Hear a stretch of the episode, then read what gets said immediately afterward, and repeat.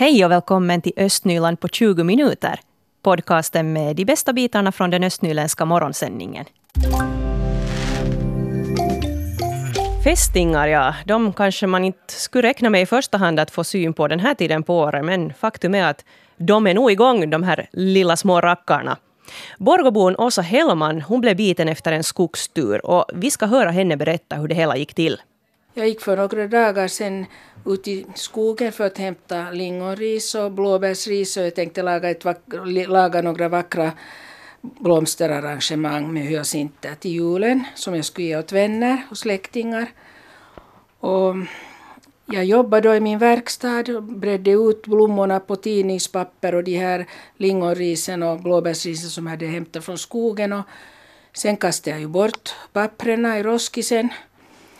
Men att lingonriset och blåbärsriset hade ju varit i min korg.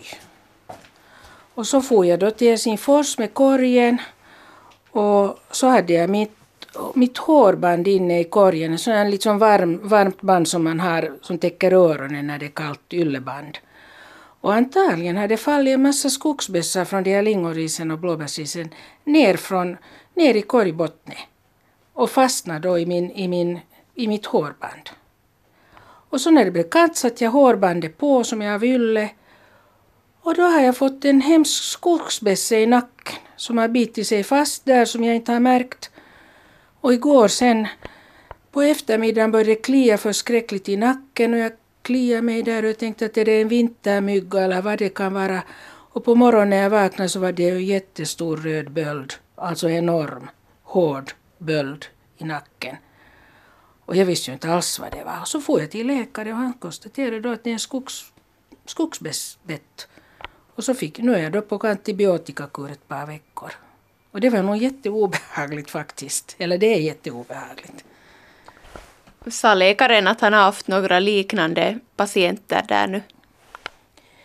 No, han var, tog det helt lugnt. att Han sa att det är mycket vanligt att på vintern. Att det är inte första gången.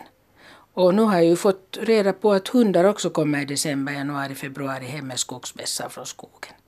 Så det var ju bara min egen dumhet. Jag kom ju inte att tänka på när det är, snart är jul och det är snö på marken att, att man inte får syssla med lingonris och, och blåbärsris som man har gjort alla vintrar. Att inte kunde jag någonsin tänka att jag skulle få bli biten av en skogsbässe.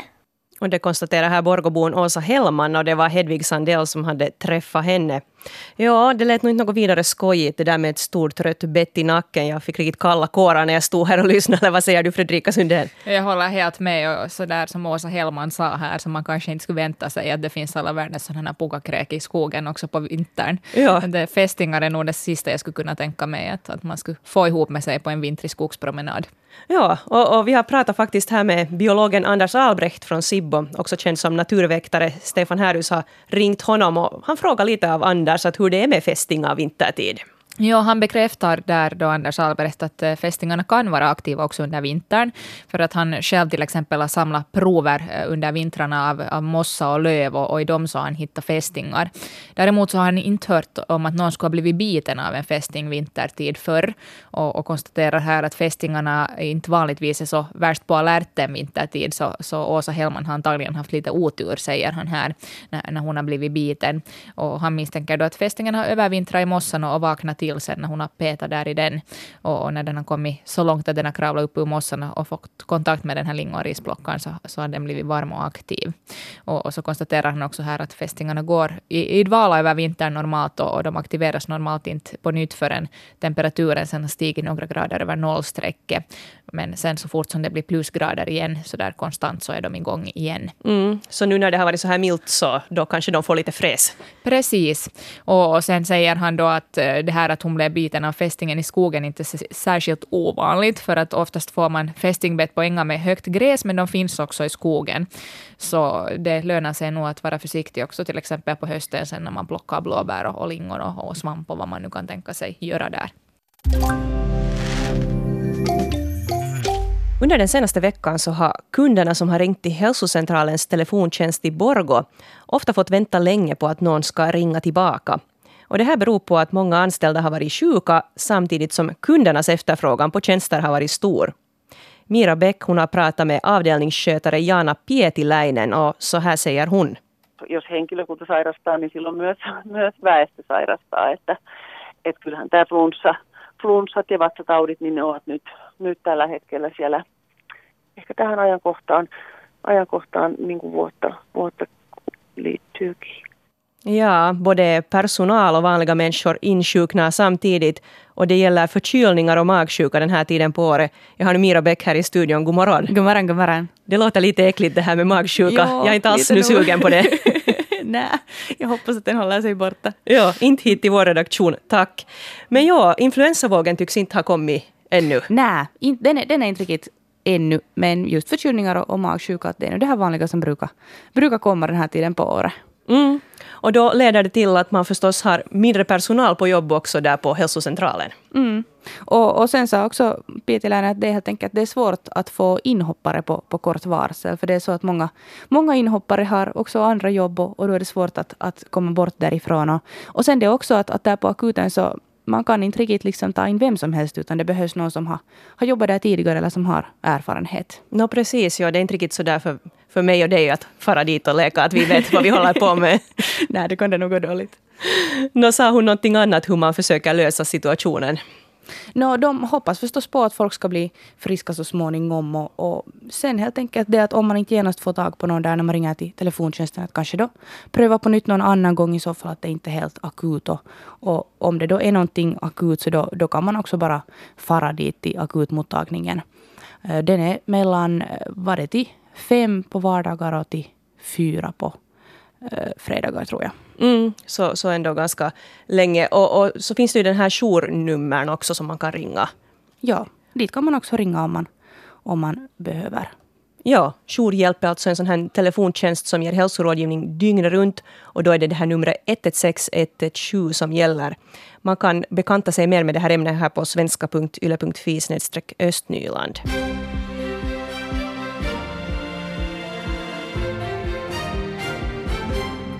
Lokalnytt nu halv nio med mig Mikael Kokkola. God morgon. Den senaste veckan har det varit rusning på hälsocentralen i Borgo.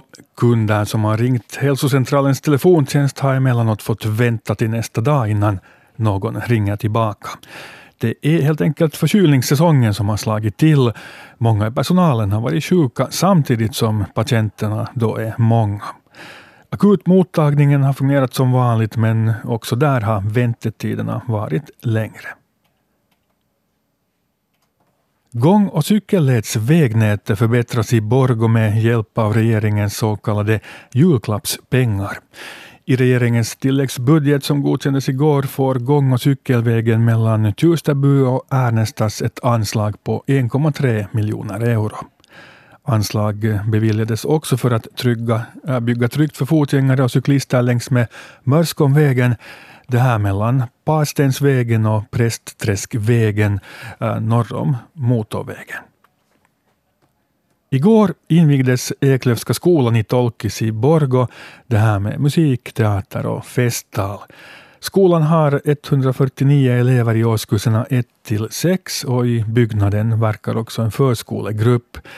Festtalet ehm, hölls av Niklas Eklöf som berättade om hur hans farfars far ehm, August Eklöf på sin tid möjliggjorde skolgång för barnen i området. I skolan går nu barn från bland annat Emsalö, Svartså, Hammars, eh, Tolkis och Haikko. Kandidaterna till Runebergspriset i litteratur 2020 har utsetts. Bland de åtta kandidaterna finns två finlandssvenska författare. Malin Kivelä för sin roman Hjärtat och Ralf Antbacka som kandiderar med diktboken Postdamer plats. Bland de utvalda verken finns flera debutantromaner och en hel del nyskapande texter. På årets lista finns också två diktverk. Vinnaren offentliggörs på Runebergsdagen den 5 februari. Planeringen av konditionstrappan i Kokon i Borgo går vidare. Bildningsnämnden godkände igår den preliminära planen och ger idrottstjänsterna fullmakt att gå vidare med projektet. Den planerade konditionstrappan är ett av idrottsprogrammets viktigaste investeringar nästa år. Borgå stads idrottstjänster ska före årsskiftet ansöka om statsbidrag för konditionstrappan. Vi har fredagskaffe på gång här, eller det ska börja, med Klaus Suhonen som är företagare från Borgo och Christer Liljeström, riksdagssekreterare Sibbo. God morgon, god morgon. Morgon, morgon. God morgon. Och trevlig Lucia-dag. Detsamma, tack. Tack, tack. Och det är inte många minuter kvar vet ni så ska Östnylands Lucia-trio skrida ner där för Kulturhuset Grands trappor. Det ska kvart före nio här vara Lucia-kaffe i Grand så om man är intresserad av det så ska man börja skynda iväg mot Grand. Och ja, Lucia är ju en sån här dag som väcker många minnen till liv. Hur är det med Klaus? Har du fina Lucia-minnen? No, jag har nog mycket fina Lucia-minnen. Alltså då när jag bodde, var liten och bodde i Helsingfors så vi brukade alltid gå till Finlandiahuset och titta på den här då showen var den slutade, om man nu kallar det för show, men det var musik och grejer. Jag, jag har själv också uppträtt där, tror jag, med, i alla fall med breakdance. Jag tänkte just fråga, har du varit Lucia? Men jag har inte varit Lucia. Inte.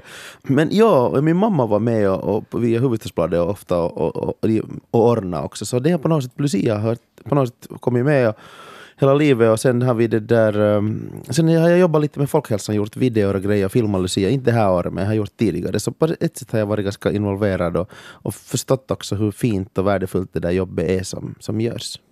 Hur är det med Kristel? Har du varit Lucia någon gång? Nej, hör du, jag har varit både för korthårig och för mörkhårig för att passa in som Lucia. Så jag har inte några starka liksom, egna barndomsminnen från Lucia men, men har nog upplevt Lucia väldigt starkt via mina egna barn som också haft glädjen att få vara liksom i Lucia i Nickby och, och, på andra uppdrag.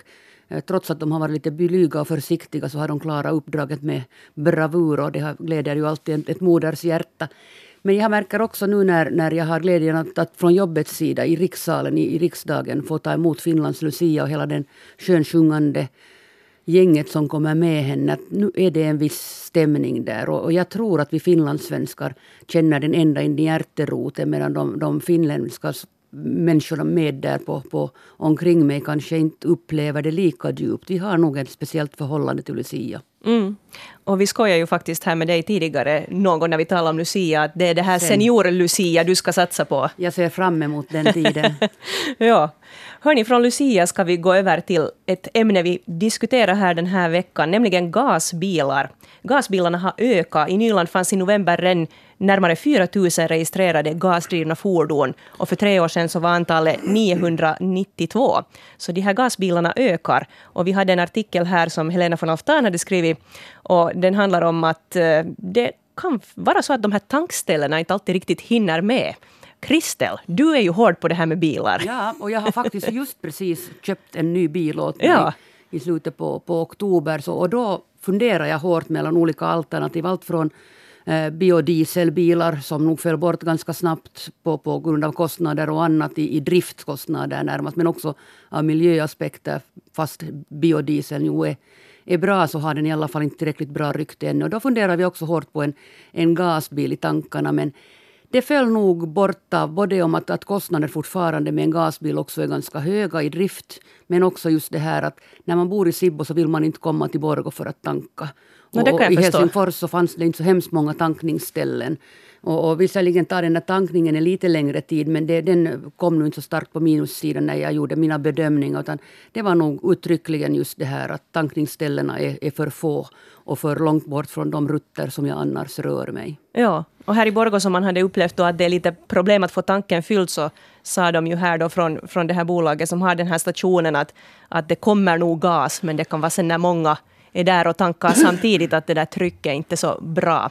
Klaus, har du funderat på gasbil? Jag har faktiskt aldrig funderat. Jag började fundera på elbil nu men, men liksom på något sätt glömt bort hela gasbilen. Jag lite googlat här för jag vet så lite om gasbilar och, och det verkar ju nog så att det är förmånligt. Man får sådana med månadsavgift. Jag tyckte det var jätteförmånligt så fick man det där, jag tyckte det var 65 euro eller i månaden eller något sånt här. Så det verkar ju, men jag antar att de där bilarna är lite dyrare då också.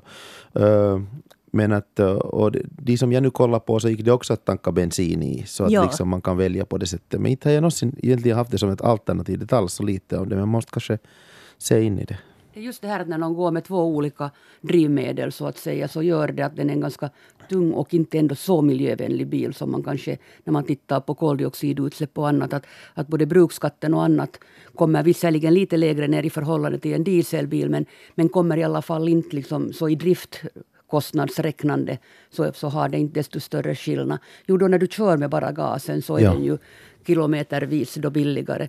Men som sagt, jag, jag, jag föll för en elbil. Både av, av att den var så jätteskön att köra och sen de alla andra fördelarna jag hittade omkring det. Men jag har aldrig kört en gasbil. Det kan ju hända att den är lika taggad liksom en elbil men jag tvivlar lite på Men har du då, är det en hel elbil eller också? Ja, är en hel elbil. Hur har det funkat nu Ja, det på är vintern? jätteskoj. Funkar det? Ja, och den är så... Den är så liksom en automat går framåt, jo. Ja. Men en elbil, den bara, den bara accelererar framåt. Ja, ja, det är helt menar sorts- ja. Det är en annan typ av körupplevelse och jag Ja. tycker det är jätteskoj. Och det, det räcker åt dig den här laddningen så du kommer... Den, den, jag kan köra 450 kilometer och den räcker, jag kör dagligen kanske 100 så den räcker ju jättebra. Har du laddningssystem hemma sen? laddningssystem hemma men den första månaden så körde jag ju nog med vanlig ström från, från vägguttaget. Ja. Och då på, på en natt, på en 28 timmar så, så laddade den ju fullständigt full. Den. Att Ja. Inte var det något längsta sträckan jag har kört med den i ett så, så var till, till Åland. Att då körde jag via Åbo 200 kilometer som är färjan över och så lite på Åland. Och var inte en enda gång orolig för att, att bränslet skulle ta slut Ja. så att säga. Om du laddar någonstans på vägen, du åker nu en längre sträcka, så hur länge tar det att